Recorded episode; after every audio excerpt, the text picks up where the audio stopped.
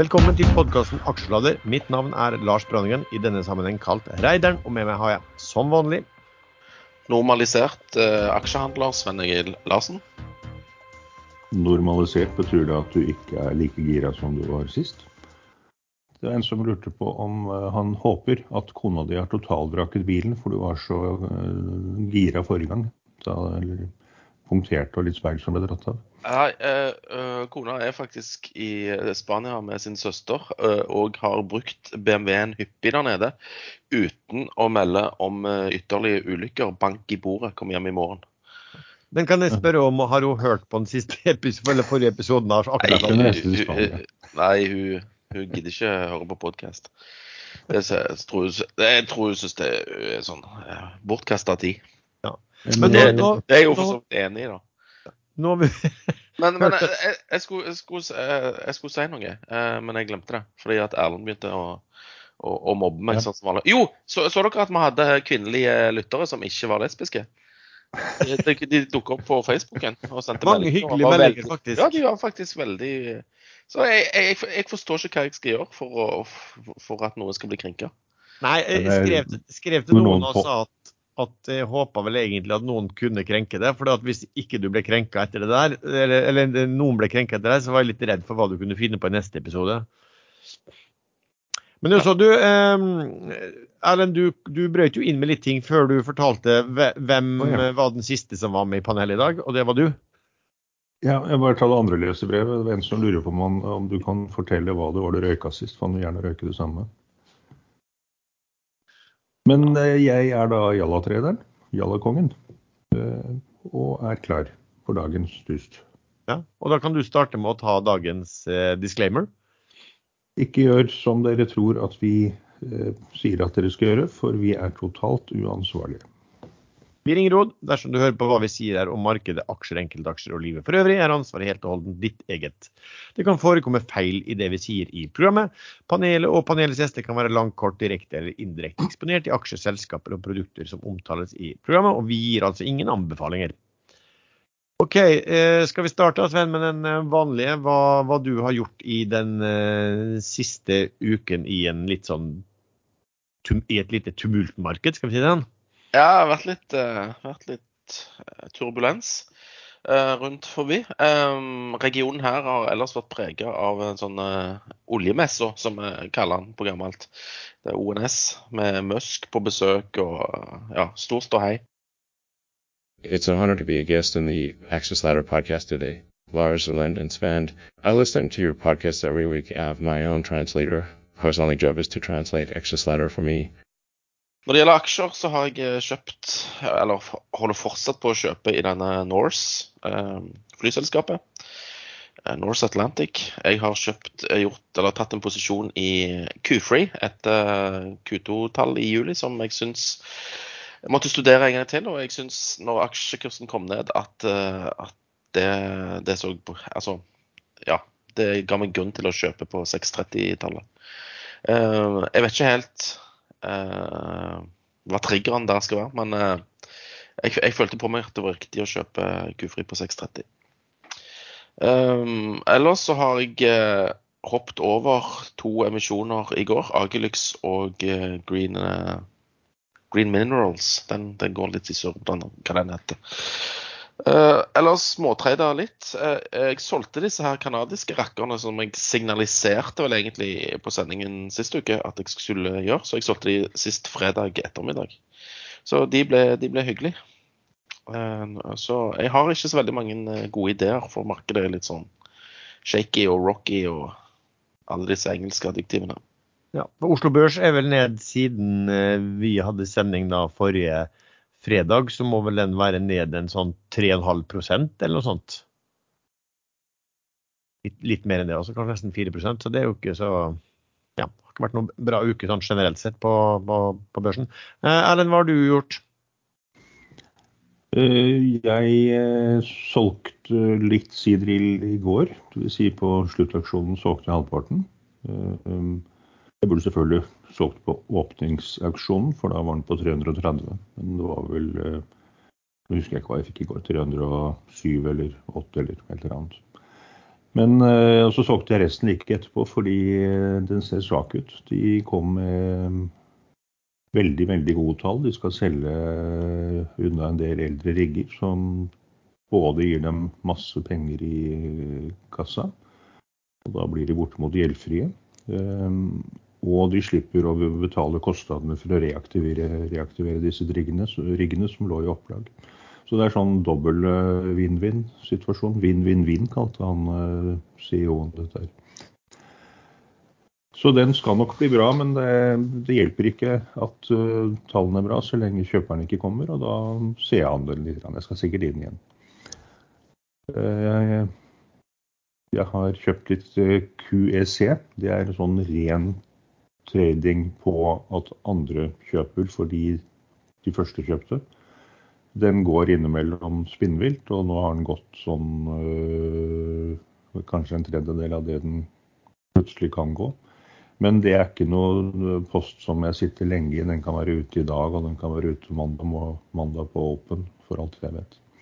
Ikke noe post du kan sitte lenge altså Enhver en post Det er ikke at noe som er nødvendigvis øh, Det er ikke noe jeg tror på fundamentalt. Det, den går på rykter om, eller forhåpninger om at øh, Quebec skal begynne å selge gass til Europa. Eh, men der er det 100 argumenter imot. Bl.a. at Quebec har forbudt all gassutvinning, eh, utvinning av fossile energibærere på eget land. Ja, det, var, det, var, mer at når du sa at du ikke noe du tro på, så var det mer at når, når du er long-long, så kan du også være ute av aksjen dagen etterpå. Ja, ok. Men det er, eh, man tror at de skal plutselig eksportere masse gass til Europa, men det tar, sånt tar mange år. Eh, det må legges rørledning på 750 km gjennom Quebec som ikke vil ha den. Så det Nei, dette er bare en ren tred på, på galskapen i markedet. Men eh, jeg hørte òg at du uh, har handla andre ting og tatt fysisk levering og prøvd å tømme Vinmonopolet på Slemmestad for en bestemt vare. Ja, der tjente jeg faktisk veldig mye. Ja, du, du var redd prisoppgangen? Jeg kjøpte jo 31.8 og slapp da mange prosent, 6-7 prisoppgang. Ja, for den flaska du kjøpte kosta 3,59 og nå 3,79. Så det er, det er 20 kroner per flaske, da. Så nå kan du drikke samvittighet. Hadde jeg kjøpt Jeg kjøpte bare 11 flasker, da. Hadde jeg kjøpt 1000, så hadde jeg jo tjent mye, mye mer. De hadde vel bare elleve, hadde de ikke det? Jo, det var jeg tømte polet. Men du, eh, Erlend, bar var da uken preg sånn tredje, var det også litt preg av den lille festen vi hadde på, eh, på forrige fredagskveld? Nei, jeg var faktisk frisk og rask allerede på søndag. jeg. Så det må vel være treningen har begynt å gi resultater.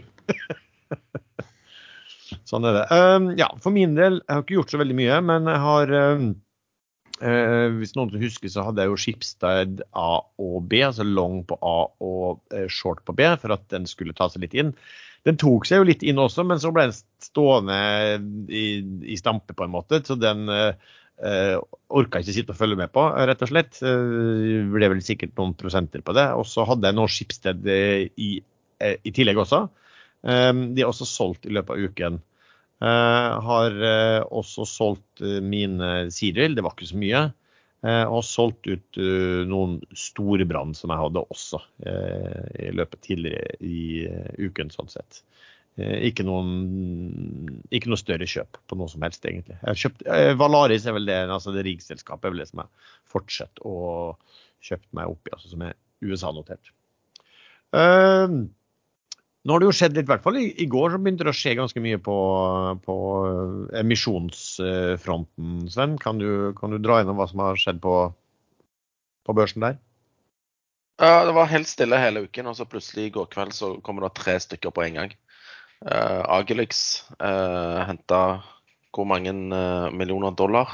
De upsize til 15, ja, 15, 15 mill. 15 ja. dollar. Kurs 24. Uh, kursen er i dag det er vel 24, det. Det er ikke en aksje som jeg uh, følger noe særlig. Mm. De henta ut, ut, en rabatt som var det sterkt, det. Ja, hva er det for noe tull? Nå ligger den jo under 24. Da, altså, de må ikke gjøre det. De må jo gi rabatt. Hvorfor skal folk Men var det ikke den som ble solgt ned eh, 6-7 rett før? Jo, jo. Og så så gir du rabatt da, på det, på det nedsalget. For at folk skal bli med. Men eh, de fikk jo fulltegna og upsiza og hele pakken, så godt jobba av de respektive meglerhus. Så har vi en liten emisjon i et lite selskap som eh, skal skilles ut fra Green Energy Group, som heter Green Minerals. De skulle hente oppad til 25 millioner kroner, kurs 10 kroner. Eh, Det var vel en rabatt på 10 ca. cirka. Eller var det 10% akkurat? Mulig det. Eh, uansett, de henta De skulle hente minimum 10 millioner. De fikk henta 11,6 millioner. Der gadd jeg ikke være med, eh, fordi at jeg regnet med at det ville bli slitsomt å komme seg ut av med gevinst på kort sikt. Eh, samme i Agelix. Jeg var redd at det, det var litt vanskelig. Og så kom det en som skal på OTC. Det er jo favoritten til Lars for tiden, denne Standard Drilling SDSD, SD, som da eier 39 av eh, gode, gamle Fred Olsen Energy, eh, nå Dolphin Drilling, som eier tre eh, fantastisk flotte rigger bygget i 1974, 1975 og 1979, eh, men òg oppgradert for 22 år siden. Så eh, der har du noen vanvittig kunstverk av noen rigger som jeg syns er fantastisk at de fortsatt flyter. Eh, de skulle Altså, hente De Hæ? kunne vært plassert sammen med Munch-samlingen til eh, Peter Olsen. de har, ja, de har pleid å ligge i en fjord i Lyngdal og se forferdelig ut. Så, men nå har de fått flytta de, tror jeg, til, til UK. Og, og så ligger de der da og råtner. Men eh, nei, eh, nå er det jo gode tider i riggmarkedet, så Spetalen eh, ser sitt snitt til å tjene penger på disse. Den ene meldte faktisk en kontrakt i Afrika. Og der kommer de kanskje ikke til å se så gale ut i, i landskapet som det gjør her eh, oppe i nord. Eh, for der er det mye rust fra før. Eh, men uh, hvor mye penger skulle du hente? Den uh, emisjonen er fortsatt pågående, forresten. 40 millioner dollar. Eh, sist Ja. jeg hørte fra hva boka var dekket. Eh, det skal vel gå, skulle vel gå over til mandagen, men, men boka er fullt full, fulltegna allerede i dag. Ja, så jeg sitter og vurderer om jeg skal være med på dette eventyret av et rigg-selskap, eller om jeg skal la det være. Aksjen skal først på OTC. Samme story som denne GEG R, eh, egentlig. Eh, og så skal den eh, bli børsnotert på Euronext Growth etter hvert, er planen. Mm. 40 mill. det holder vel til å oppgradere denne Borgland. Eh, Jeg vet ikke om det holder til å oppgradere de to andre. Jo, Jeg- tror, tror, jeg tror- for, å få, for å få alle tre i stand, så tror jeg de har anslått eh, 60 millioner dollar. Og de har også 20 millioner dollar fra før i kassa. Ja, du, men jeg ville heller kjøpt Orkla på denne nyheten. Vet du hvorfor? De må kjøpe så himla mye maling fra Jotun for å få, se, for å få disse her til å se uh, brukende ut. Så long Orkla. Men er du sikker på at de får lov å sende den drillen til Afrika? da? Det er jo forbudt å Det er et- eksportere det ble et- søppel og avfall. Det ble et ja, Det er sånn ble det et, kom i besøk, det. nå var du veldig grøtete. Men uh, eh, det er et under hvis den kommer fram, sier nå jeg. Eh, Men nå er det jo sånn at de har litt i tillegg til de to. De har jo en driftsorganisasjon, så jeg- forstår at de jobber også med å gjøre mm, Altså drifte andres rigger. Det har jo vært, har jo vært rykter om at Dolphin Drilling skal eh, gjøre noen ting i forhold til den herre den derre warmstack, eller warmstacked, det er for den, den deep value driller den, som har e- en sånn rigg. Og så står det også, det er litt sånn kryptisk, men vet ikke om du husker disse her Avilco Og jeg, jeg leste meg opp på dette i går, faktisk. Eh, Jeg ser Ja. at de har inngått et sånn markedsføringssamarbeid med, rigg- med, med, med verftet nede i Sør-Korea, Ja. Keppel, om å markedsføre de to riggene som eh, Avilco Drilling ikke klarte å betale. Ja, og Det sto etter den også om at de hadde noe sånn ratekontrakt på det. så Det var litt sånn kryptisk om har de rett til å kjøpe av verftet, eller har de, har de en deal på at de kan altså, markedsføre og, og, og drifte den riggen hvor at verftet skal så så mye og, og standard drilling så så mye. Men det, det er jo som du sier, da, Sven, at det her, jeg vet at en rigganalytiker spurte han nylig om det, siden, siden jeg eier den standard drilling og lurte på hva det her kunne være verdt. Eh, og da var det jo sånn at dette er jo en opsjon, men, og det her er jo, det, det er jo et bilde på eh, at dette markedet er i veldig bedring, da, riggmarkedet. At, at den type eldre eh, rigger kommer i, eh, kommer i drift igjen. Og, og, og hvis alle tre kommer i drift på de ratene som nå er, så vil jo det bli eh, Ja, ja, det ble payback Veldig, veldig på et Altså, De har tjent tilbake disse pengene på et kvarter, liksom. Hvis du får 300 000 dollar per dag for tre, de tre riggene. Men vet du hva jeg tror kommer til å skje? Jeg tror, han, eh, eller jeg tror eh, dette blir tatt på børs. Og så eh, gjør de en gigaemisjon, og så kjøper de de to eh, syvende generasjonsriggene som ligger nede i Singapore. Tipper jeg. ja, kun, hvis, hvis de får en god nok pris på det. Ja, ja, ja. Det er det jeg mener. Hvis de får en god pris. For det er at dette Keppel-verftet har vel ikke lyst til å være riggselskap. Men på den annen side så er det jo gode tider i rigg, da, og da vil de vel ha betalt eh, opp mot markedspris. Ja, ikke sant. Men i alle fall, det den, jeg skal, skal du være med på emisjonen i uh, denne her uh, rust, rust, rustdrilling?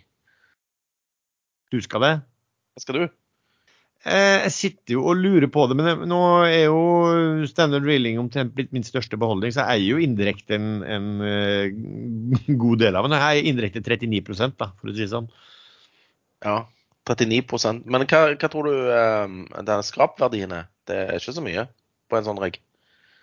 Eh, Hva tenker du hvis de Ja, de har jo prisa dette her til 100 mill. dollar pre-money. Ja. Tre rigger. Det er 33, og en tredjedel eh, million per rigg. Ja, pre-money er jo Ja, det er riktig. Sånn, Ja, sånn så hadde, men så eh, hadde de, hadde de 20 mill. i cash fra før. Hadde de det? Ja. Ja. Så egentlig er det 80 delt på tre, da. Det var et veldig vanskelig regnestykke. Det klager jeg ikke. Uten hjelp.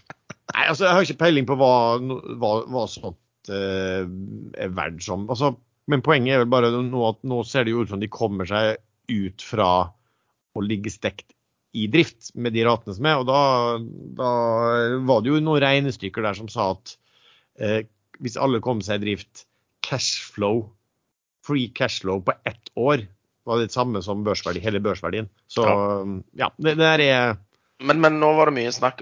Skal vi kjøpe den og flippe de flopp, eller skal vi bare la være? Det er spørsmålet mitt. Tipper at uh, dette er noe som fort er blitt tatt av en del uh, amerikanere, og at det kanskje du kommer en del sånne langsiktige som skal inn i riggmarkedet og ser at de kan få litt uh, Så jeg begynte faktisk å holde en pris på, holde liksom på at det kan være smart å ta. Ja. ja, mulig jeg må ringe min favorittmegler i Pareto og si at jeg tegner for en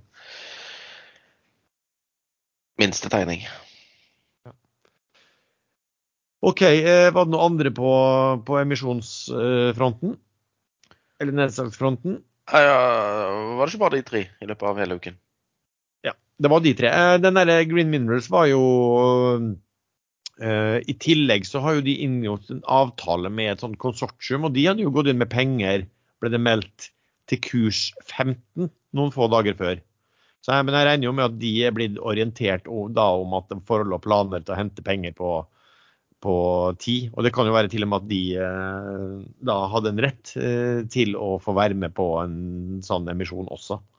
Ja, men De kom seg så vidt i land, da. De skulle hente minimum ti. Det ble 11,6. Ja, sant. Så der, eh, de ringte og, og, og, og ba på sine knær til meg òg, men jeg sa blankt nei. Ja. Nesten litt rart at de bruker så kort tid på det, eh, når de fortsatt er, har, har mye å gå på opp til maksimumbeløpet. Men, men det er jo så. Men det greia her er jo at de skal jo da Green Minerals er jo et eget selskap, da, men det, jo, det kan jo være bra når de aksjene 55 av aksjene er jo eid av Green Energy Group, og når GEG da skal dele disse ut til aksjonærene, så det jo, kan det være greit å man måtte få satt et eller annet pris på det og, ja, og, så sørge for at det ikke er det emisjonsspøkelset som, som ligger som rett rundt hjørnet med en gang. Ja, Men hva kommer til å skje med de aksjene som folk får tildelt gratis plutselig over natten? Å, jeg har fått gratis aksjer i Green Minerals. Ja, det er jo gratis penger. Så kommer du til å bare hive det ut. Ja, kanskje, kanskje ikke. Um, før, altså Hadde du fått det før i går, så hadde vel det vært mer sannsynlig, for den lå rundt ti der. Men nå når Ja, jeg vet ikke. hva Men- annet, ja, du, du får i hvert fall en eller annen form- for en oppfatning om hva markedsaktører mener er en feil prising. Da, så kanskje det blir eh, salg på Men det er jo ikke sånn at jeg tror ikke den blir akkurat det blir torpedert, den, eh, den kursen der. Ja, Men det var jo lurt å hente penger før de delte ut aksjen, i hvert fall.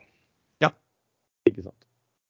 Okay, Men det vil jo eh, skje ting i Green Minerals eh, nå utover til neste år. Det er første konsesjonsrunde på havbunnmineraler i Norge, hvis ikke den er utsatt.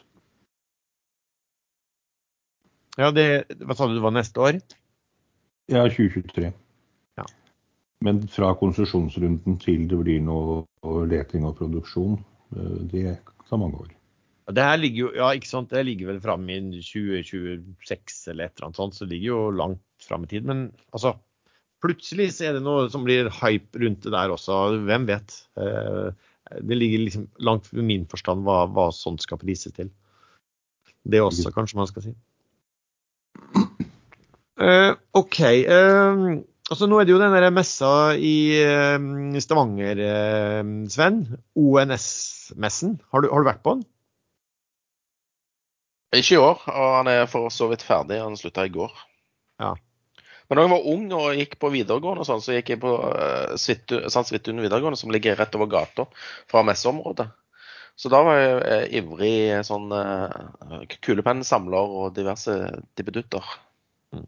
Jeg husker at jeg var på en gang. Om, da husker, det jeg husker bra, var vel en om det var, det var noen russiske oljeselskaper, det var Lukoil eller Gazprom. Jeg tror det var noen, noen av de som, som da hadde liksom en stand hvor, hvor de, de For å si det sånn, de som eh, viste frem standen og som sto der, de var, de var ikke, Ja, den, den, den husker jeg òg. Jeg var på den en gang.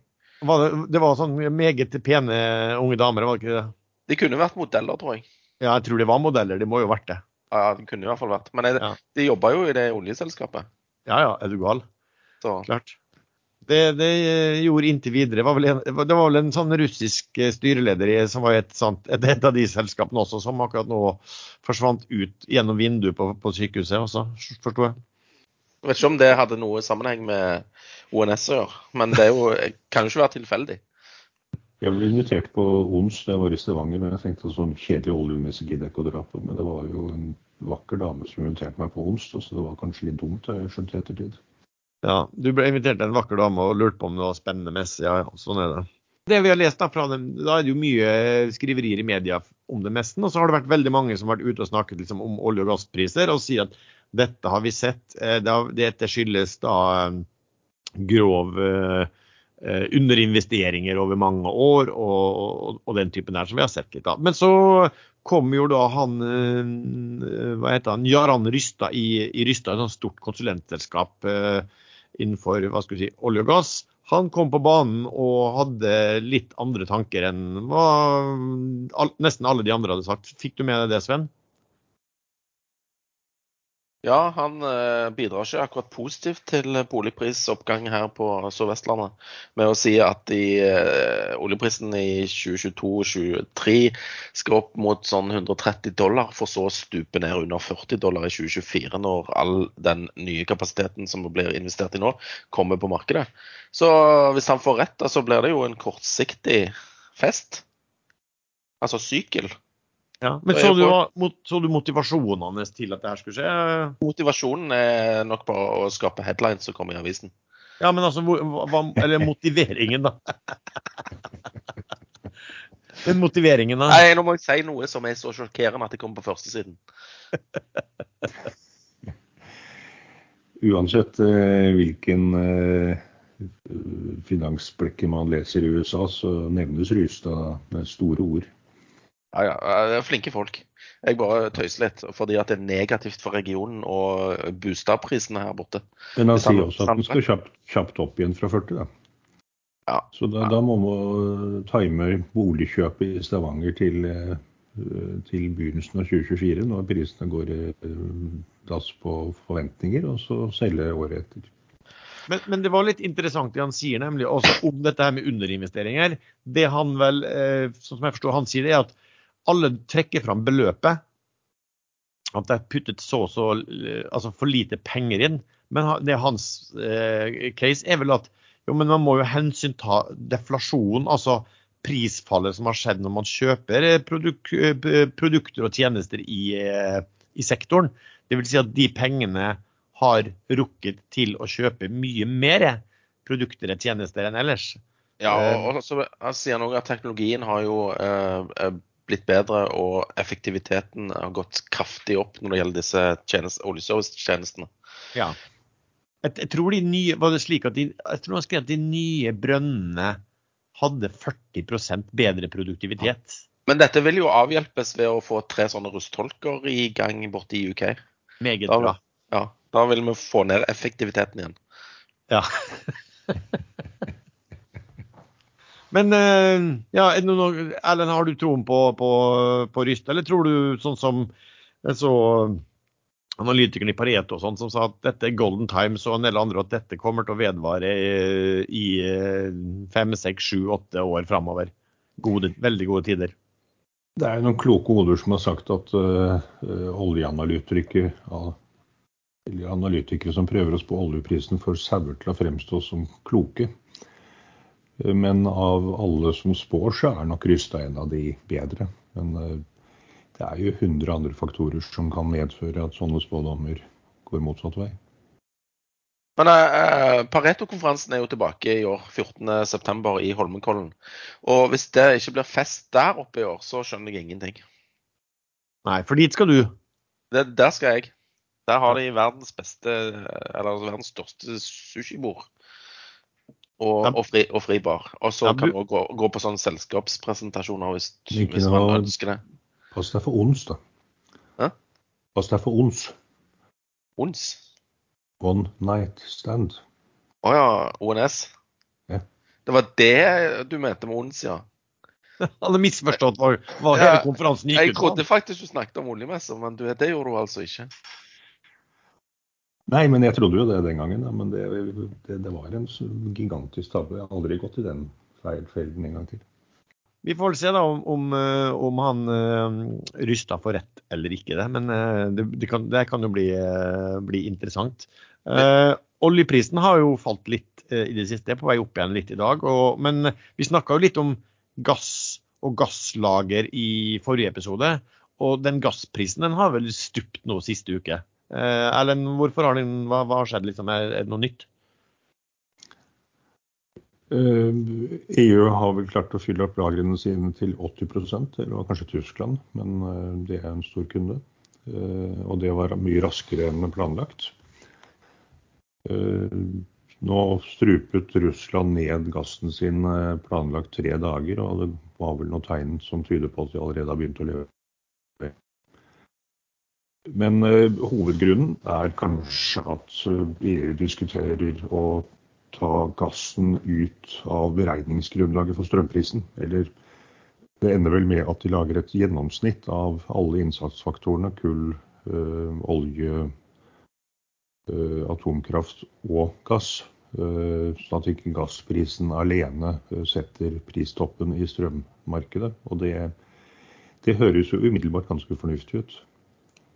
Og det vil selvfølgelig påvirke en øh, norsk øh, strømpris ganske raskt også, i og med at vi importerer eh, prisen fra Europa. Har ikke strømprisen òg stupt siste to dager? Jeg så faktisk på Jeg har en sånn fin side fra um, Lyse, lyse.no. Eh, Der får du prisen hver time hver dag. Ja, hvor, hvor er prisen nå, da? Nå er klokka 12.09. Da er prisen eh, 3 kroner og 65 øre. Det er jo skambillig. Ja, jeg er skambillig. Men klokka mellom 8 og 9 i dag tidlig var den på 7 kroner og 30 øre.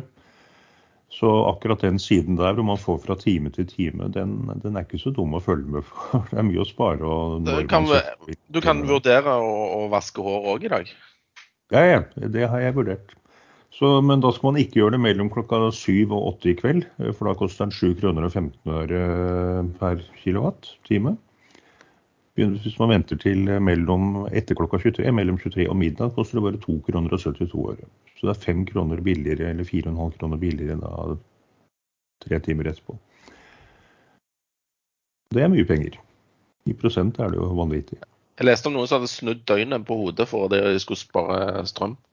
Eller kostnader. Det, det er litt eh, Det er, det er sikkert ikke alle som vet det, men nå har jo beregningsgrunnlaget blitt annerledes. Nå skal man ta strømtoppene. Dvs. Si at hvis man én dag i beregningsperioden, som vel er fra første til slutten av måneden, eh, bruker veldig mye strøm en kort periode, så setter det, da rykker man opp i en annen prisklasse for alt, all strøm man har brukt hele måneden. Så man må faktisk bruke litt huet her, og det er jo også hele meningen med det systemet. At man skal få folk til å spre strømforbruket utover dagen. Så hvis man da er eh, litt slepphendt en dag og setter på oppvaskmaskin og vaskemaskin og tørketrommel og tar seg en eh, lang 20 eh, minutters varm dusj og har badstuen på samtidig og litt til, da får man en mye høyere strømregning. Men strømregning er jeg så drittlei av å høre om denne strømregningen og vi som vil ha billigere strøm og, og alt det der. Folk skriver jo opp og ned om det her.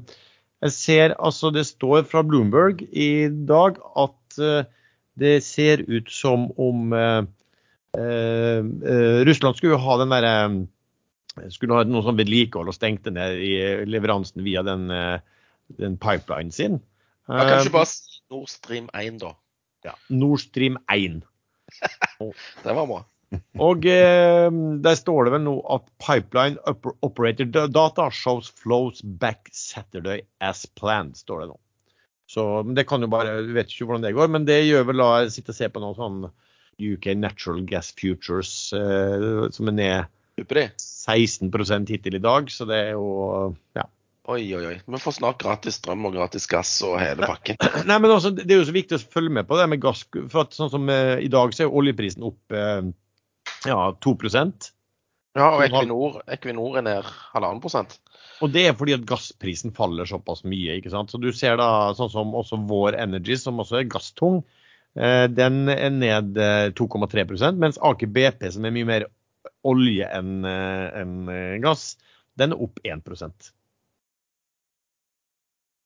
Så det, det Ja greit å få med seg det, og så får vi se hva som, hva som skjer. Det, det, hadde ikke vært litt morsomt om hvis Rustad får rett? At, eh, at, oljeprisen stuper under 40% i 2024. Akkurat når Noreco har fått First Gas på Tyra-greiene sitt. du hadde likt det? Ja. Kanskje... Det, det, er slemt å le av, men eh, eh, det skal søren ikke forundre meg det, om det skjer.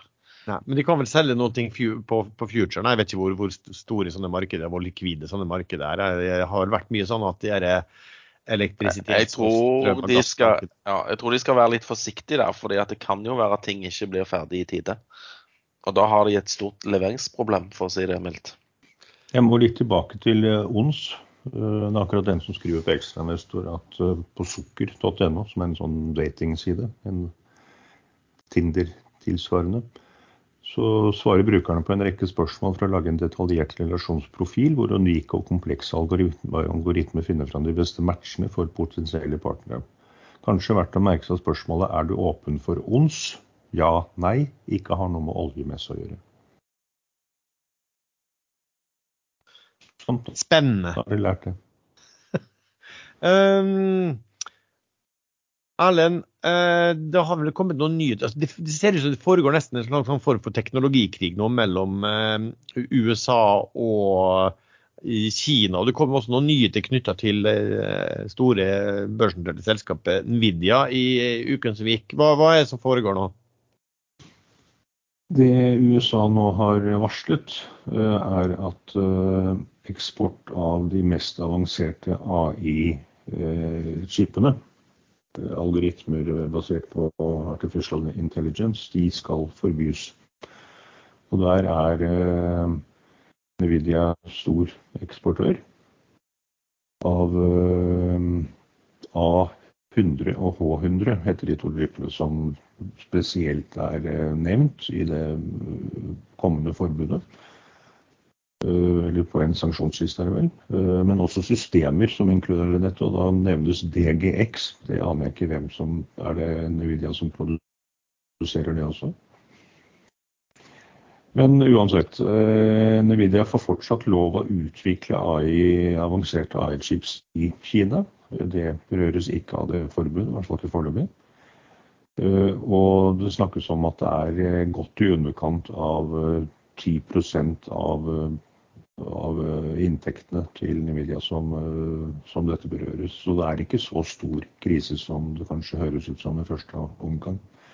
Men ja, den teknologikrigen den eh, kommer til å fortsette og forsterkes, og da blir det tidsfortatt. Da kommer Kina med sine tiltak tilbake, og worst case så kan jo Kina plutselig finne på å, å forby import av, eller eh, Tesla kan bli berørt.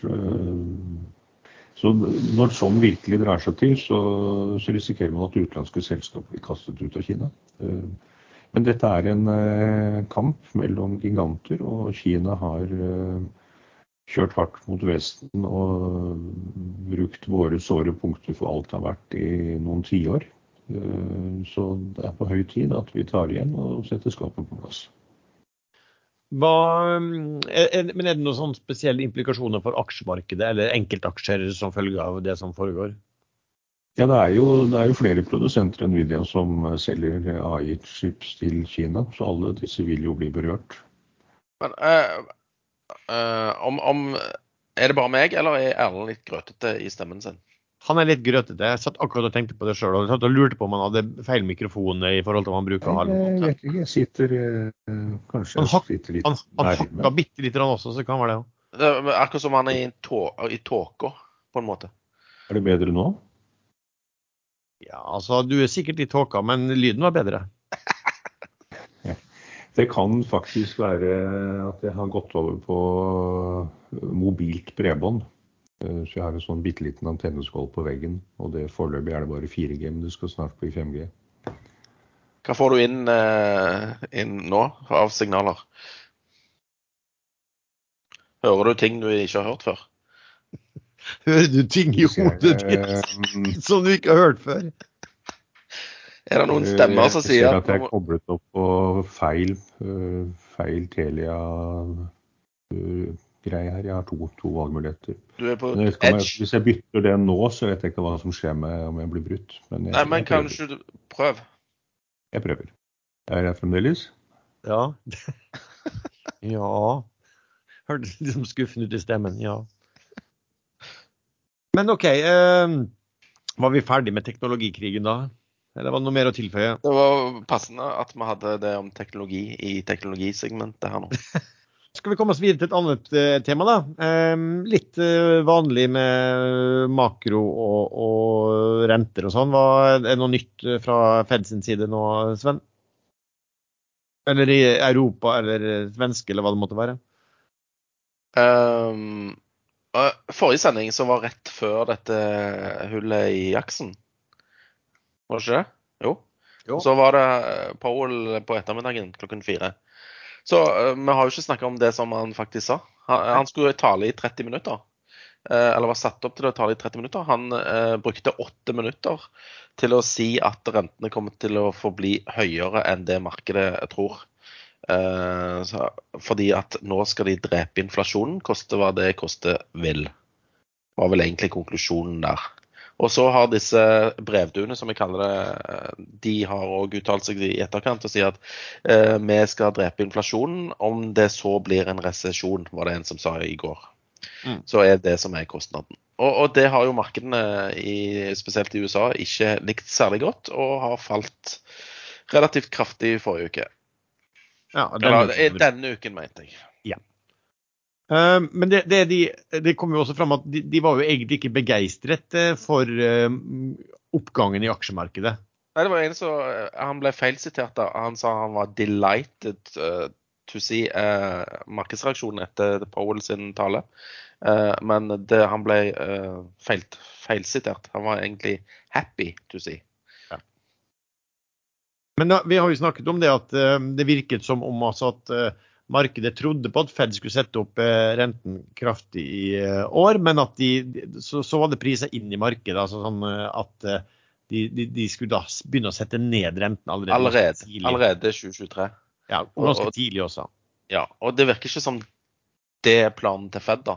Planen til Fed er å få ned inflasjonen, koste hva det koste vil. Og så er spørsmålet du, du skulle jo ikke fight the Fed mellom 20, eh, 2009 og 2022. Men skal du gjøre det nå, er mitt spørsmål. Nei, don't fight the Fed. Altså, nå må jo nesten bety at du må være svært forsiktig med å eie eh, både altså verdipapirer. da. Aksjer? Ja, ja, både aksjer og obligasjoner. Fordi Ja, ja. at rentene går opp, og kursene på obligasjonene faller jo. Ja. Det var forresten, altså Ofte går det jo der litt, sånn, litt motsatt vei, de bitene der, men jeg så forresten det var sånn oversikt over globale resultater i år. altså Hvis du hadde en sånn 60-40-portefølje med, med obligasjoner og, og aksjer, og det var jo helt katastrofalt. For at begge, begge asset-classene hadde jo falt eh, ganske mye. Så, så det er jo det, det er slitsomt for de som er sånn, vi, store fond, som er pensjonsfond og sånn, må jo ha fått sånn noen, noen ordentlig kilevink i løpet av eh, året. Men, Men eh, det i Norge også- har det jo gått eh, bra, i hvert fall oljerelatert. Jeg, jeg så forresten det Eh, kom Unnskyld, Erlend. Fortsett. Ja, nei, det, det, bare veldig kort her. Det er jo mye snakk om at atomavtalen mellom USA Eller at USA skal gå inn igjen i den avtalen som Trump trakk USA ut av. Men nå har eh, Iran kommet med sitt tilsvar til eh, det siste europeiske utspillet. Og da skriver eh,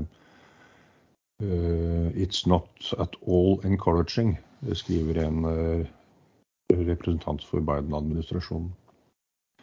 Step backwards. Så da ser det ut som at den legges litt død en periode. Jeg vil tro det legges dødt til etter valget både i USA i november og i Israel i november. Politisk så tviler jeg på at Biden kommer til å vinne på en sånn avtale akkurat nå. Altså, han, han er vel mest opptatt akkurat nå bare å holde ned inflasjonen og få ned bensinprisene de nærmeste månedene. sånn sett.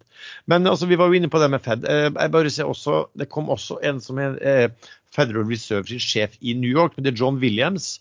Han regnes som en av de virkelig mektige innen eh, Fed. Og han sa at han tror at en reduksjon av inflasjonen vil kreve positive realrenter. Altså Positive realrenter betyr jo også at rentene skal være høyere enn inflasjon for å få ned inflasjonen. Men da det er snakker vi jo sånn renter på 9 da. Ja, det kan jo være et Påslag på det, så er du jo på 14% på boliglånet ditt igjen. Ja. Og det har du ikke opplevd siden 1986. Nei, han sa vel altså når, når det vil kreves. Altså, det være, nå er det jo på litt vei ned kanskje uansett, men eh, når det vil kreves er jo noe helt annet. Eh, Jeg så forresten også i dag, da, helt vilt, eh, det derre PPI, det er vel sånn produsentprisindeksen i, i eurosonen, kom inn på 38 var det noe sånt, inflasjon. Opp, og det var opp liksom 4% siste måned.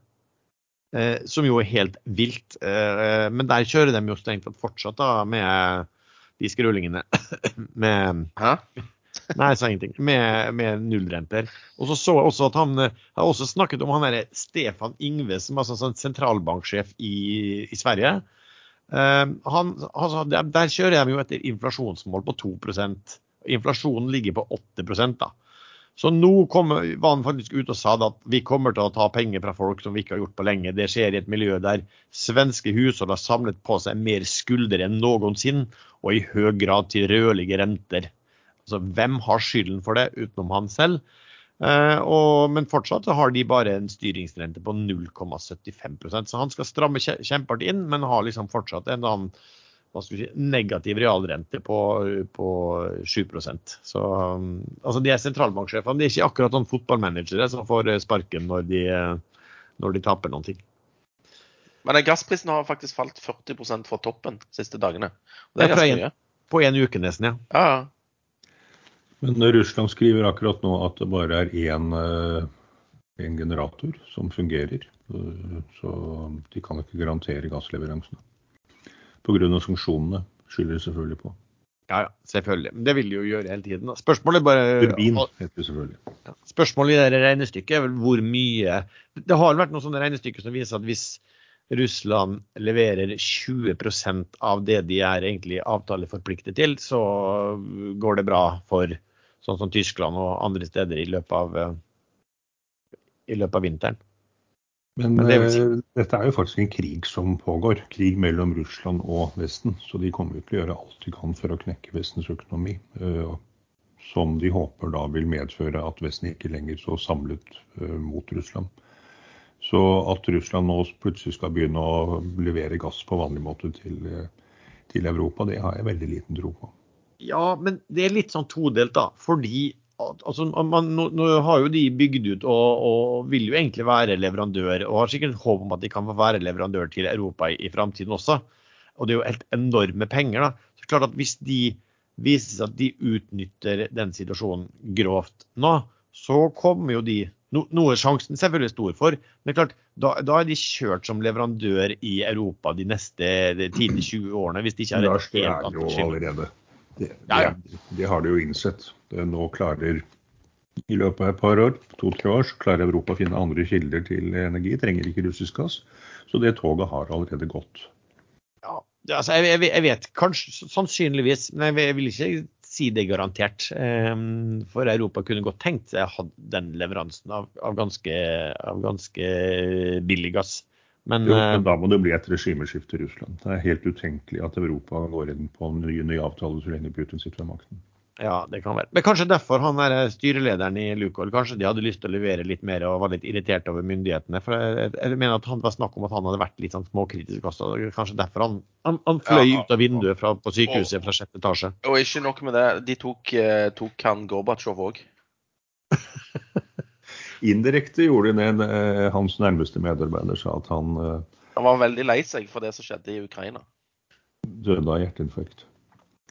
Men eh, når det gjelder da mm, alt dette med sentral En annen ting vi har snakket mye om, er jo da dette som heter quantitative tightening.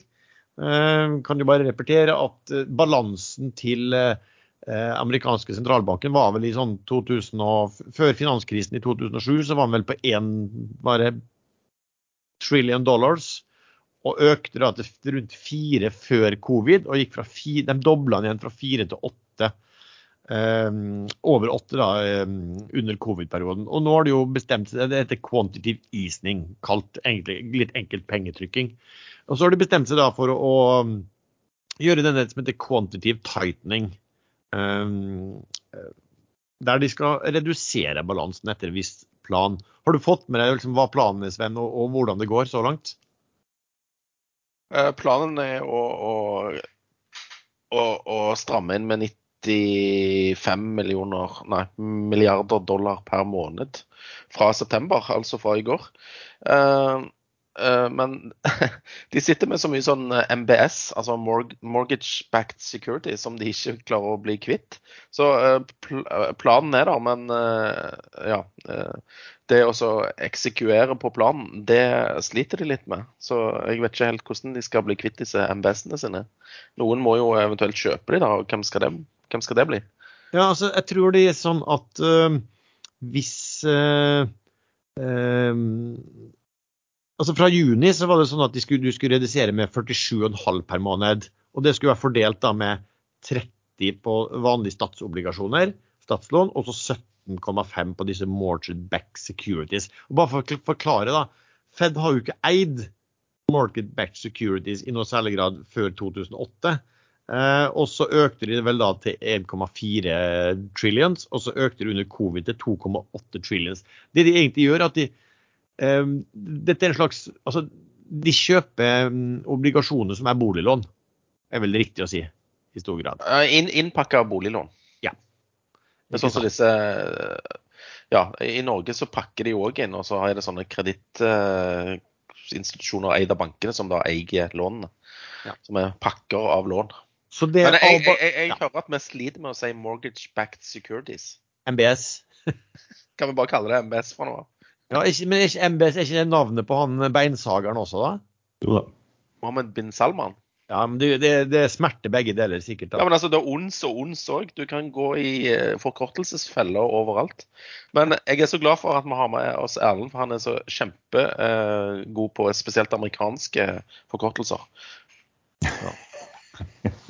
Men, men altså det, som er, det, som er, interessant da på denne MBS-en, den altså utgjør da 2, Si at den utgjør kanskje knappe 30% av hele balansen etter hvert. Og, og, så er det lite likvid. Altså det, altså det, er ikke så lett å selge. Og det, det er vel ikke så mange tagere på disse her heller. Uh, er det vel uh, Rentene har gått opp, og da er det ikke så lett å selge noe som Nei, altså det, er jo en, ting. da, altså de, mm, Det er liksom litt morsomt. da, Hvis, hvis, Fed hadde vært en egen eh, bank med soliditet, så hadde de hatt giring på egenkapitalen sin nå så er på 213 ganger. Det vil si at da skal du ikke tape mye på, på dine posisjoner da, for, å, for å ha vært kjempekonk. Eh, men de kan jo egentlig ikke gå konk, for de kan alltid be myndighetene om mer penger. Eller, eller, noe de fremfor alt kan gjøre, at de kan jo bare printe nytt hele tiden. Så, så det liksom blir jo litt sånn teoretisk, da. Men uh, no, no, det som da skjer, er at Fed setter jo opp renten. Renten går jo opp. og Sven, du har jo også nevnt da hvor mye det har steget på, på altså boliglån. Og det gjør jo at folk da ikke refinansierer. Eh, og når de refinansierer, det betyr jo at de betaler inn eksisterende boliglån. Så det, det, det, Fed har gjort da, for at de, når det skal reduseres dette her, så har de sagt at vi skal ikke ha direktesalg av disse MBS-ene. Eh, det skal skje ved naturlig innfrielse. Eh, men her ser du ikke den naturlige innfrielsen i den takt de har tenkt seg i det hele tatt. Fordi Nei, er ingen, ingen refinansierer pga. at uh, betingelsen på de nye lånene er jo dårligere enn det de allerede har. Så da har du jo et, uh, en problem. Men de fleste er bare, bare, bare, i 30 år. Ja, det er jo akkurat det også. Du, du har sånn, Durasjon heter vel det, sånn uh, lengde på løpetiden. Og, og, durasjonen er mye lengre på de MBS-ene som Fed sitter på, enn på statsobligasjonene. Så, så også der har de liksom gravd seg inn i et malt seg inn i et hjørne her, da ved at de og, og, og, det er litt sånn fascinerende at de mener at den skal reduseres i den takten. Men har du ikke da tenkt på at det blir kanskje vanskelig å få den takten hvis rentene stiger, og, og også hvis det boligmarkedet forverres. For da, det, jo, det, skjer jo også innfrielse ved at, uh, ved at du selger boligen din. Da. Hvis dette har 30 års løpetid, så, så vil markedet klare å se litt framover og tenke at rentene ikke skal fortsette oppover så altfor lenge før, før rentene blir satt ned igjen, kanskje til under null enda en gang. Da er det vel en god butikk? Ja, men det, det, det er visst veldig lite, altså lite likvide her. da. Nå, men nå så jeg jo en av disse Fed-sjefene som var ute og åpnet for at de kanskje måtte selge. Eh, for å kunne um, følge planen. Um, siden innfrielsen da var var altfor små. Jeg tror at hittil, um, sånn som oversikt hittil, eh, mens de skulle fra juni ha hatt reduksjon på 45 milliarder dollar i måneden, så har de klart 20. Og nå skal de også øke da fra 45 til 90 eh, fra i dag. Blir nesten litt sånn som Det er ikke helt korrekt. Fra 47,5 til 95. OK. Det, I stand corrected. Men da blir det jo enda verre. Ja, litt verre. Eller det blir, ja, Det blir nesten sånn som OPEC som beslutter økte kvoter når de ikke er altså, klarer, De klarer ikke. Ja. Men det blir spennende det, å se hva som skjer. Kanskje det blir sånn at kjøpe, kjøpe to for én på MBS. Ja, Men hvis de selger MBS eh, i et lite likvid marked, så vil jo prisen altså det, det betyr jo per definisjon at, at renten vil gå opp. Ja. De har, fall, de, de har i hvert fall brukt dette til, til å pøse til å få renten ned i, eh, på, eh, på boliglån. ja, men he, hele dette greiene er jo et, e, et eh, laboratorieforsøk fra Fed sin side som starta etter finanskrisen. Så men litt sjå. Ja, og vi har fått boligpriser opp i USA. Det har vel gått, gått opp 20% bare det siste året. Så de har, blåst en, de har blåst en boble som ikke er så lett å, å egentlig komme seg ut av. Ja, de kan punktere den, da. Ja, det kan, det kan, kan, ha uheldige konsekvenser på hvermannsen som stemmer ved neste valg. Det kan det. Uh, og så har det kommet noen nye flaggeregler på, uh, på Oslo Børs. Uh, Sven, har du oversikten på det? Nei, men jeg ble tvunget til å finne de fram av, av deg litt tidligere. men de som er veldig interessert i flaggeregler, kan gå inn på finanstilsynet.no og, og søke opp flaggeplikt. Og, og der kom det nye regler eh, fra nå i sommer, var det vel? Eller var det fra i går? Det var fra 1.9. Ja, jeg ser at sist endret 1.9.2022.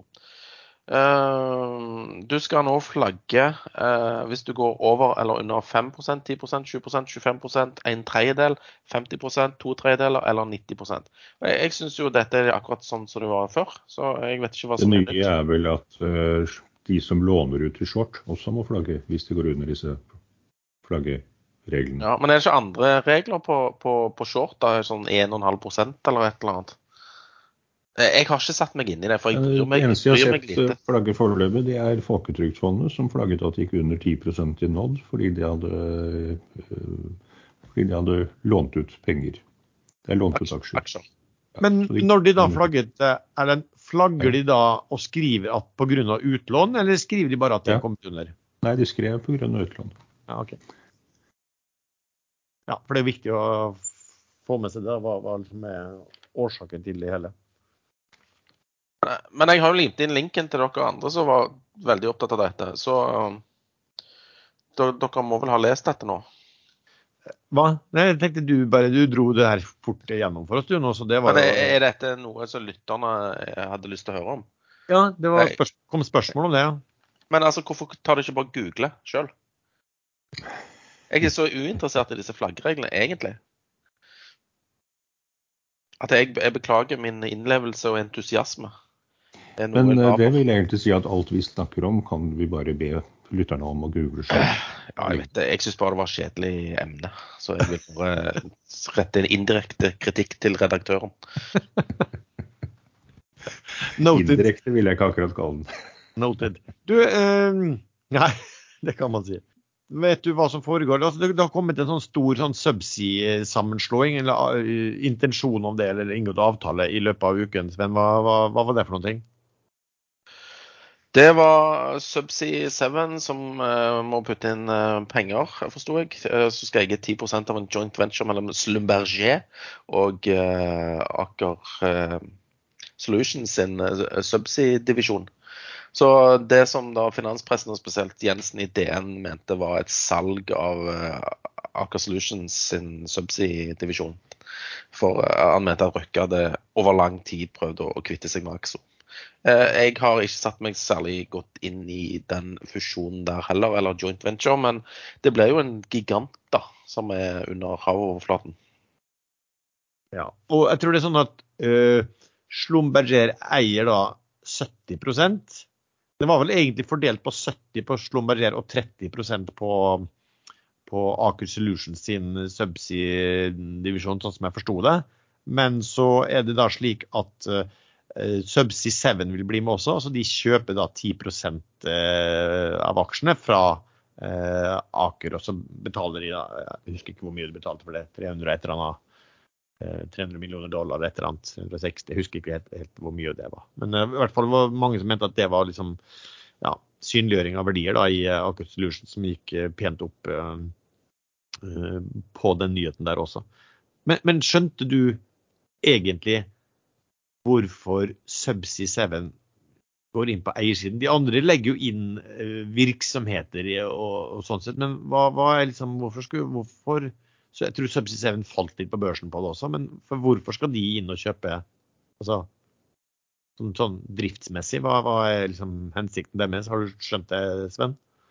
Nei, jeg har ikke skjønt det. Må jo være noe samarbeid da, som selvfølgelig det, som må ligge i kortene der. Men, Men har ikke, har ikke de et samarbeid allerede med, med eh, det, det er en sånn One Subsea-allianse som jeg tror Subsea 7 er med på. Er ikke det Slumberger? Jo, det er vel en One Subsea eh, til er vel den heter, den, den de legger inn i, i dette selskapet. Ja, men har ikke altså, Subsea 7 allerede et samarbeid med tror Jo, det. det, det, er kanskje derfor de, det, det må jo være derfor de kjøper seg inn i, Ja, eh, på eiersiden her, da. Ja. For, for opp, Jeg, jeg kan google det for sikkerhets skyld. Gjør gjerne det. One Subsea Alliance tror jeg jeg googler. Nå avslører jeg sikkert min inkompetanse her, men hvorfor kaller dere det Schlumberger? Er det fransk? Det, det er faktisk et fransk eh, selskap, ja. eh, som eh, og, og, og Schlumberger det er et slott, faktisk. Schlumberger-slottet. Grunnlagt 1926 i Paris. Hovedkvarteret er i Houston, Texas. Ja. Så da kaller jeg det slumburger. Slumburger. Slum. Slum. Slam. Jeg fant ut noen ting, Sven? Å ja! Det var det dere venter på. Det er en sånn allianse, da. One Subsea. Subsea bla, bla. Subsea 7 and One Subsea. Og One Subsea er ikke Det er vel det denne Slumberger-skitet, da. Hva det står det? Av Slumberger Company? One Subsea. St- Strategic Global Alliance between Helix Energy Solutions Group and Schlumberger. Det er da One Subsea, og de har en allianse med Subsea 7 fra før. Ok. Så da har vi det på det rene. Men vet du hva uh, grunnleggerne av Slumberger Schlumberger het? da? Du hadde slått som en Schlumberger? De Nei, het eh, Freres, Konrad Knut og? Marcel Schlumberger. Hva sa du? Freres, Konrad og Marcel Schlumberger. Ikke Klunda Lunda Schlumberger. Hvordan kan slott, Hvordan kan noen fra et slott langt inne i Frankrike, i skogene rundt Paris, finne på liksom å Ja, vi starter sånn oljeserviceselskap. Det var neppe oljeservice den gangen, tror du det? Kanskje du finner ut av det til neste gang? Og kanskje fikk de slått det pga. at de først hadde satt i gang Slumberger. Ja, du mener at de ikke var familieslott. De fikk så god råd at de kunne kjøpe seg et slott. Hvem vet? Jeg føler at vi er litt ute på bærtur nå, men det er også Ja. ganske langt òg. Ja, altså du, Sven, har du sett uh, tørrbulk? Har det vel vært litt eh, store endringer i, i ratene i det siste, og, og mye fall? Hva var årsaken? jeg trodde det var gode tider innen sånn bulk-shipping, altså tørrlast. Men eh, det viser seg jo at det er dårlige tider, fordi at eh, jernmalmimporten til Kina av naturlige årsaker, byggestopp og så videre, har, eh, har ført til mindre etterspørsel etter denne jernmalmen. Men nå var det andre ting, da, fordi at nå skal jo det stimuleres igjen i Kina. Og da er det etterspørsel etter andre ting som må fraktes med tørrlastskip. Så de var i dass for to dager siden, og så steg de som pokker i går. Eh, Men jeg, dette er et marked jeg ikke følger med på. Jeg leser bare headlines og har veldig dårlig kontroll på, på tørrlastmarkedet. Eh, det samme her. Jeg så, så det var vel den der capsize som eh, eh, vokste voldsomt i, i går, men det var fra veldig lave rater. og Det har vært kjempelave rater der og sånn, men jeg har jo sett en del sånn meglere som, som fortsatt ja, han- har vært veldig positive, selv om de har kutta litt nå eh, i, i ganske høye kursmål i den siste perioden. Han eh, ene megleren eh, min i Fearnley sendte meg en mail i går liksom, eh, der eh, subject var bare tørt. Og så skrev han noe om at det var noe Kina-etterspørsel etter et eller annet. Og så fikk jeg bare sånn der det tørr mail eh, litt senere. Ja, fulgte du tørt eh, tipset mitt? Så da hadde jo denne Googlen steget med 6% Men det gjorde jeg altså ikke. Jeg forsto ikke hva han snakket om, egentlig. Nei, sånn er det. Kan ikke, det kan ikke forstås. det faktisk shippingmarkedet som ligger an til virkelig katastrofale rater, er eh, i henhold til noen eksperter eh, container. Ratene skal ned med 80 sto det en overskrift her. Ja, men de ratene er jo framforhandla kontraktsmessig til 2024 på høye nivåer. Så det, det kommer ikke til å skje noe der. Det er ingenting. Ja, noen Ja, påstår det. ja. Reforhandling av avtaler eh, verdens største aktører, det skjer aldri. Nei, nei, nei. De har ikke markedsmakt eller noen ting. Nei, nei. Men spotteratene faller jo faller vel ganske Men det- det slutt. Men det er jo fra et veldig høyt nivå, da. Det er slutt på køene i, i havnene. De er vel normalisert nå, sier de sånn. Ja, nå var det jo bare tre-fire båter som lå utenfor Los Angeles.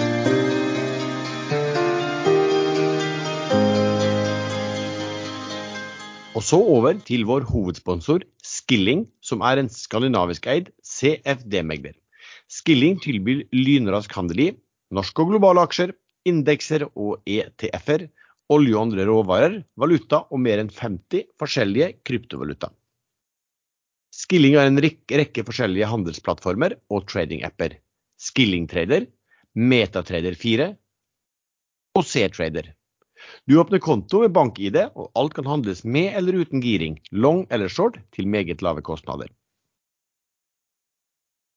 Skilling har nylig nærmest fullstendig fjernet spreads på kryptovaluta, samtidig som de nå også tilbyr kryptohandel uten giring. Spread på bitcoin er eksempelvis bare en halv dollar, og enda lavere på de andre 50 pluss kryptovalutaene som Skilling tilbyr. Med i praksis ikke-eksisterende spredder og en kryptokortasje fra bare 0,1% er Skilling nå sannsynligvis den desidert billigste kryptomegleren på markedet. Dette blir spesielt merkbart sammenlignet med tradisjonelle kryptobørser med til dels store vekslingskostnader. Bruker du Skilling til å trade CFD krypto uten giring, betaler du heller ikke renter. Som sagt, Skilling tilbyr kurtasjefri handel i nærmest alt av finansielle instrumenter til veldig konkurransedyktige priser. Skilling har kundeservice på norsk og industriens laveste kostnader på kryptohandel. Sjekk ut skilling.no om du ikke allerede har gjort det, og åpne Skilling-konto med bank-ID. Risikoadvarsel. 66% av ikke-profesjonelle kunder taper. Fullstendig advarsel på skilling.no, og kryptotrading er ikke tillatt for britiske kunder. Og lenken til Skilling finner du i beskrivelsen til denne episoden.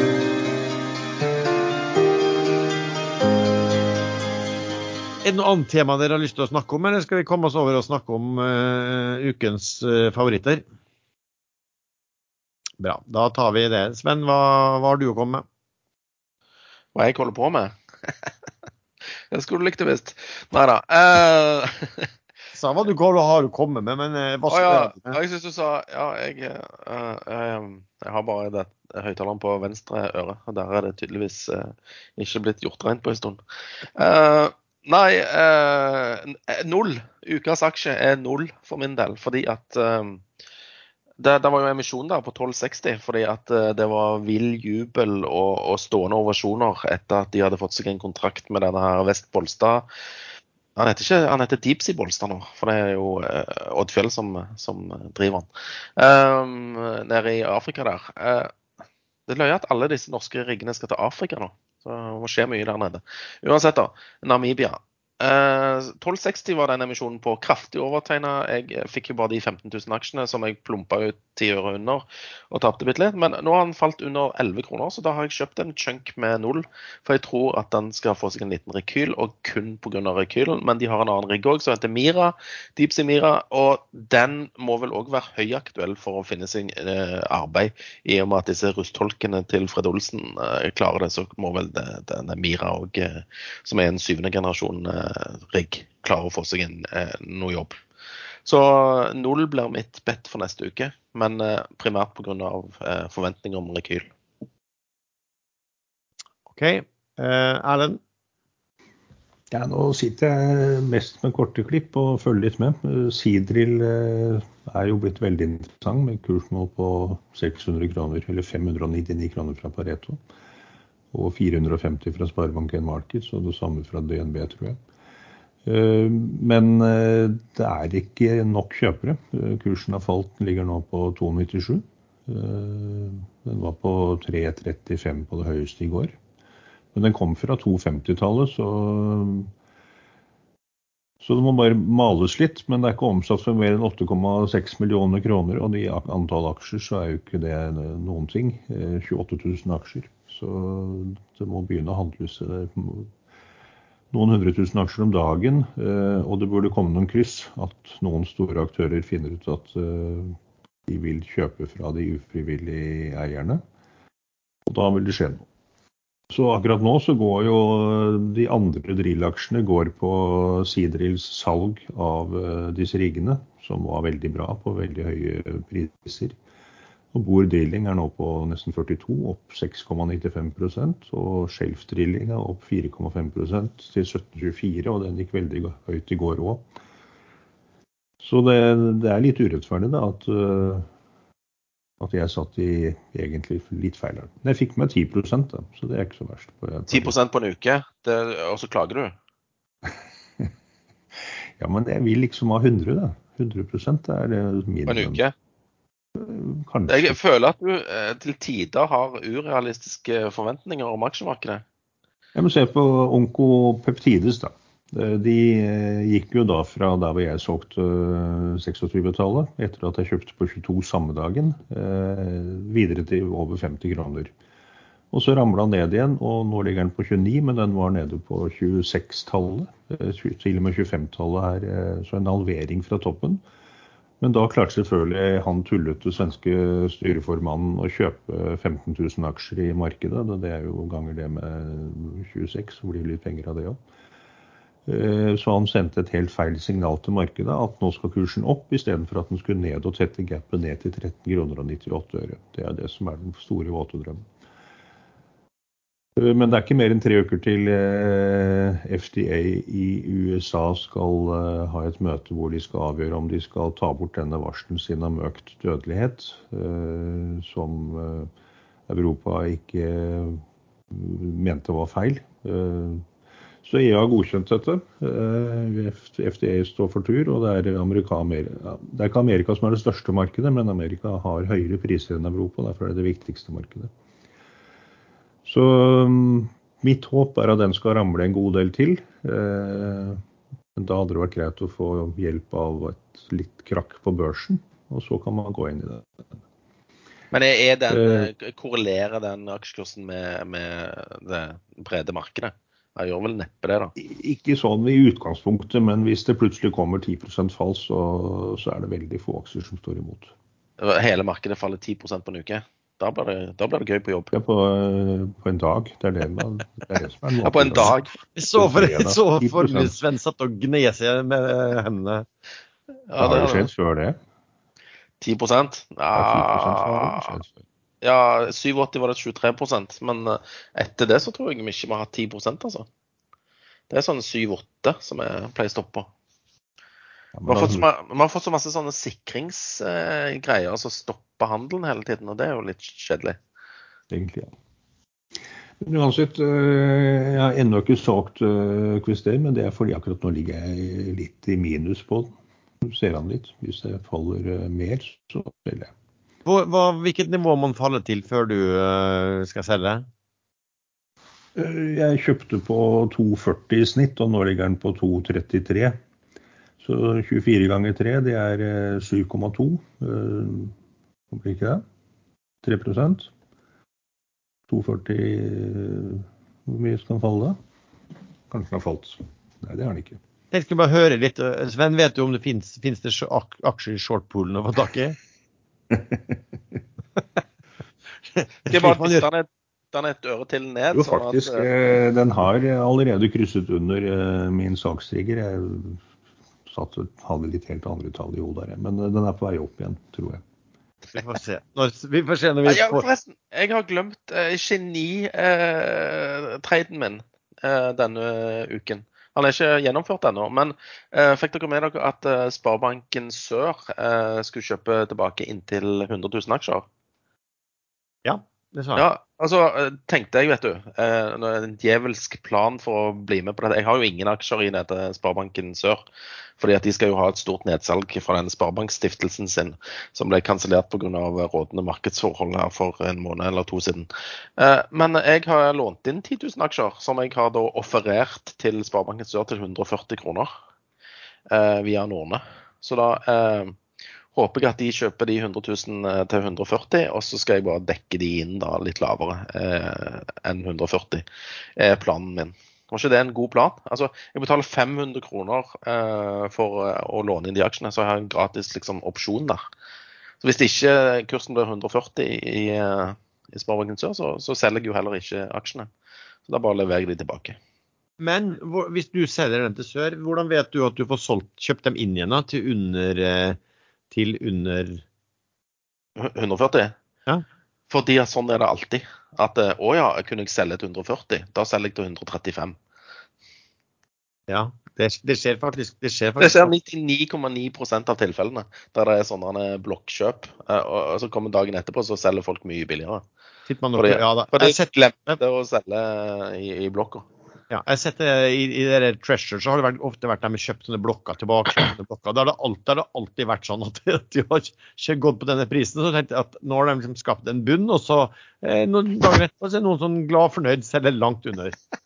Ja, men Det er jo ikke en garantert uh, gevinst fra min side. Men uh, basert på erfaring som jeg har med sånne ting, så, så skal det være uh, shooting fish, altså. Yes. Erlend, var det noe mer du hadde? Nei, ikke når jeg kom på nå. Ok. Uh, ja, for min del så har jo da vært en har jo da, Som jeg snakket om i, i forrige, forrige episode med nye regnestykker, det var jo da Standard Drilling, og den er opp 10% denne uken. Uh, mitt syn er det at det er altfor lite. Fordi at uh, Jeg regner vel da på at prisingen på på selskapet, altså Nav da på selskapet da var på 2,27, mente jeg sa. Eh, pluss eh, en eventuelt verdiøkning på denne Dolphin Drilling. Og Nå kommer jo da mm, emisjon og vilkår i Dolphin Drilling, og da, da, har du plutselig en markedsprising på den også. Eh, og da er, ligger eh, naven da, i standard drilling på ca. 2,60. Eh, så der har du liksom eh, Spetalen og de som styrer, der har du langt, fortsatt da langt over 20 eh, rabatt til underliggende verdier. Den tida jeg har fulgt med de, så har de faktisk ligget gjerne ja, De har kanskje vært på 15% minus noen ganger, men ofte ligget på minus 5, minus 10% rabatt i forhold til Nav. og et par ganger har det jo vært helt på Nav, og ja, noen ganger over også, av ulike grunner. Men i hvert fall så syns jeg det blir at det blir altfor billig. Og altfor stor rabatt på den.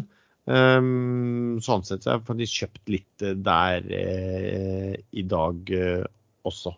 Det var jo, det var jo litt, litt, litt, morsomt at det kom en sånn deal der såpass, eh, såpass raskt. da. ellers men, men den aksjen den, du, du, snakket litt om den til meg privat. Jeg lurer på om du hang meg ut òg i en post på Ekstrainvestor. Den SDS-en. Nei, nei, han skrev, skrev, jeg skrev ingen navn. Nei, nei men jeg følte meg truffet. Ja, uh, uansett, men den oppførte seg rart, for jeg fulgte med på den på ettermiddagen. Den bare steig og steig og steig. Så jeg hadde jo tenkt å hoppe på, men uh, det var jo tog i fart, liksom, så jeg bare lot den gå. Ja. Det var dumt. Det er tydelig at noen visste at det skulle skje et eller annet der. Ja, jeg, så også den, for den, lå jo på, den var jo helt ned på like over 1,80. Falt, den falt liksom merkelig tilbake igjen også, at noen pumpa ut, og så begynte den plutselig å gå. og Så satt jeg ikke og fulgte med fra minutt til minutt, men var liksom litt sånn paff på at plutselig var den kommet opp på ja, 1,90 eller et eller annet sånt uh, tallet uh, i går. Men jeg ser, jeg ser også her til min forskrekkelse at uh, han ene megleren i Pareto ikke har uh, lånt inn de SOR-aksjene mine. Så nå må jeg ta en telefon. Jeg, jeg, sa han skulle låne inn 10 000 i går, og så la han inn der. Men han, han har ikke liksom Det har bare forsvunnet ved børsslutt. Ja. Altså, men casen mitt, jeg vet ikke om jeg sa det der, så at jeg skrev så at en annen investor at jeg snakket, hadde snakka i går med dem om uh, standard. bare sånn, uh, og, og, og, så var jeg litt sånn at Tidligere når rabatten har vært, blitt så høy, så har det ofte vært innsidekjøp. Uh, og denne gangen hadde vi ikke sett en innsidekjøp, så jeg satt og lurte på hm, kan det være innside. I så fall må den innsiden være at de holder på med et eller annet knytta til en um, dolphin drilling det passer jo liksom litt godt i forhold til hvordan det er i, boremarkedet også. Og da kom jo den da etter børs uh, i går. Du, ellers skal vi se Ja, vi, har jo da snakket uh, Skal ikke snakke mye om det, men GEG, det berømmelige brevet til styret, endte jo med at selskapet kom med tall denne uken og fortalte at vi tar dette brevet helt til følger. Vi kommer til å dele ut alle, alle aksjer vi sitter i i Green Minerals, den vi snakket om gjorde emisjon, den skal vi dele ut til aksjonærene. Så basert på i dag, da, så vil det tilsi eh, at eh, verdien av én GEM-aksje vil tilsi ca. 25 av utbyttet i eh, GEG. Så får vi se. Der skal vel skje da en gang i løpet av eh, Det blir vel en gang i løpet av tidlig eh, tredje kvartal er vel det her man kan se for seg dette her skulle skje. da. Ellers er det ikke så mye. Jeg registrerer at jeg hadde en del Wilhelmsen som så veldig bra ut helt til Valenu Wilhelmsen kom med tall og falt kraftig på det. Og det dro med seg da selvfølgelig også uh, Wilhelm Wilhelmsen. Jeg syns kanskje det var en overreaksjon i uh, Valenius Wilhelmsen, så vi får vel se neste kvartal om ikke det er noe av de, de tingene kan bli litt litt uh, reversert der. og Derfor kjøpte jeg også litt sånn Valenius Wilhelmsen i, i, i, uken som, som gikk. En som ikke har gått, gått så bra, som, som, jeg alltid har truffet bra på før, er jo da rørleggeren. VSSAB den har falt en del fra ja, rundt 100 til uh, godt ned på 80-tallet faktisk i, i, løpet av uken der. Så vi får satse på den. Om, om du sa at Green Minerals skulle deles ut tidlig i tredje kvartal? I fjerde kvartal, mener jeg. Beklager. Ja, takk. Takk. Ja. Det ble vel i oktober, vil jeg tippe, sånn tidsmessig. Um, på den biten der. Så da får vi se hva, som, hva, hva aksjonærene gjør. Uh, ja. Nei, ellers er det ikke noe sånn, sånn, spesielt. Det har jo kommet en del tall, og man får uh, det, det, det, er mye omveltende nyheter både på selskap og makro og energi og alt for tiden. Så Så det gjelder jo vel både å være forsiktig, og så gjelder det vel både også å kunne prøve å se hvis det dukker opp uh, muligheter sånn der, der du kanskje føler at det blir feilpriser, eller at markedet overreagerer den ene eller den andre veien. OK, er det noe mer vi skal snakke om nå, eller eh, har dere mest lyst til å ta helgen nå? Jeg må ta en telefon til en megler i Pareto og kjefte litt. Det må Det, du. det er pri 1. Og så tror jeg jeg hiver inn tegning i denne rustholk-drilling-greia òg. Bare for å si at jeg var med, og, og jeg håper de har forsikring på det forresten. Være en av gutta. Ja. Jeg føler meg som en sånn roughneck, er ikke det det heter? De som er på- om bord på sånne rustholker. Jo, jo, du kan jo spørre om du kan få, få, få et lite oppdrag der også. Ja, ja, jeg tror ikke jeg tør å gå om bord i en av de. Jeg, jeg har røfnekurs og boredekksmannskurs, så jeg kan uh, tok Du kan bli vår eh, utsendte medarbeider. Vi Ja. sender deg til Aberdeen med første fly. Jeg er kanskje litt eh, Jeg er såpass rusten, så jeg passer jo bra på de gamle holkene. rusten herremann. Sånn er det. OK, med den så takker vi til deg som har lyttet på denne episoden. Eh, Du treffer stadig oss tre chatten inne på Ekstrainvestor sin chat. Vi har også en egen eh, gruppe på Facebook som heter podkasten Aksjesladder. Musikken er som vanlig laget av sjazz.com, og vi høres. Puh, det var godt å bli ferdig med den.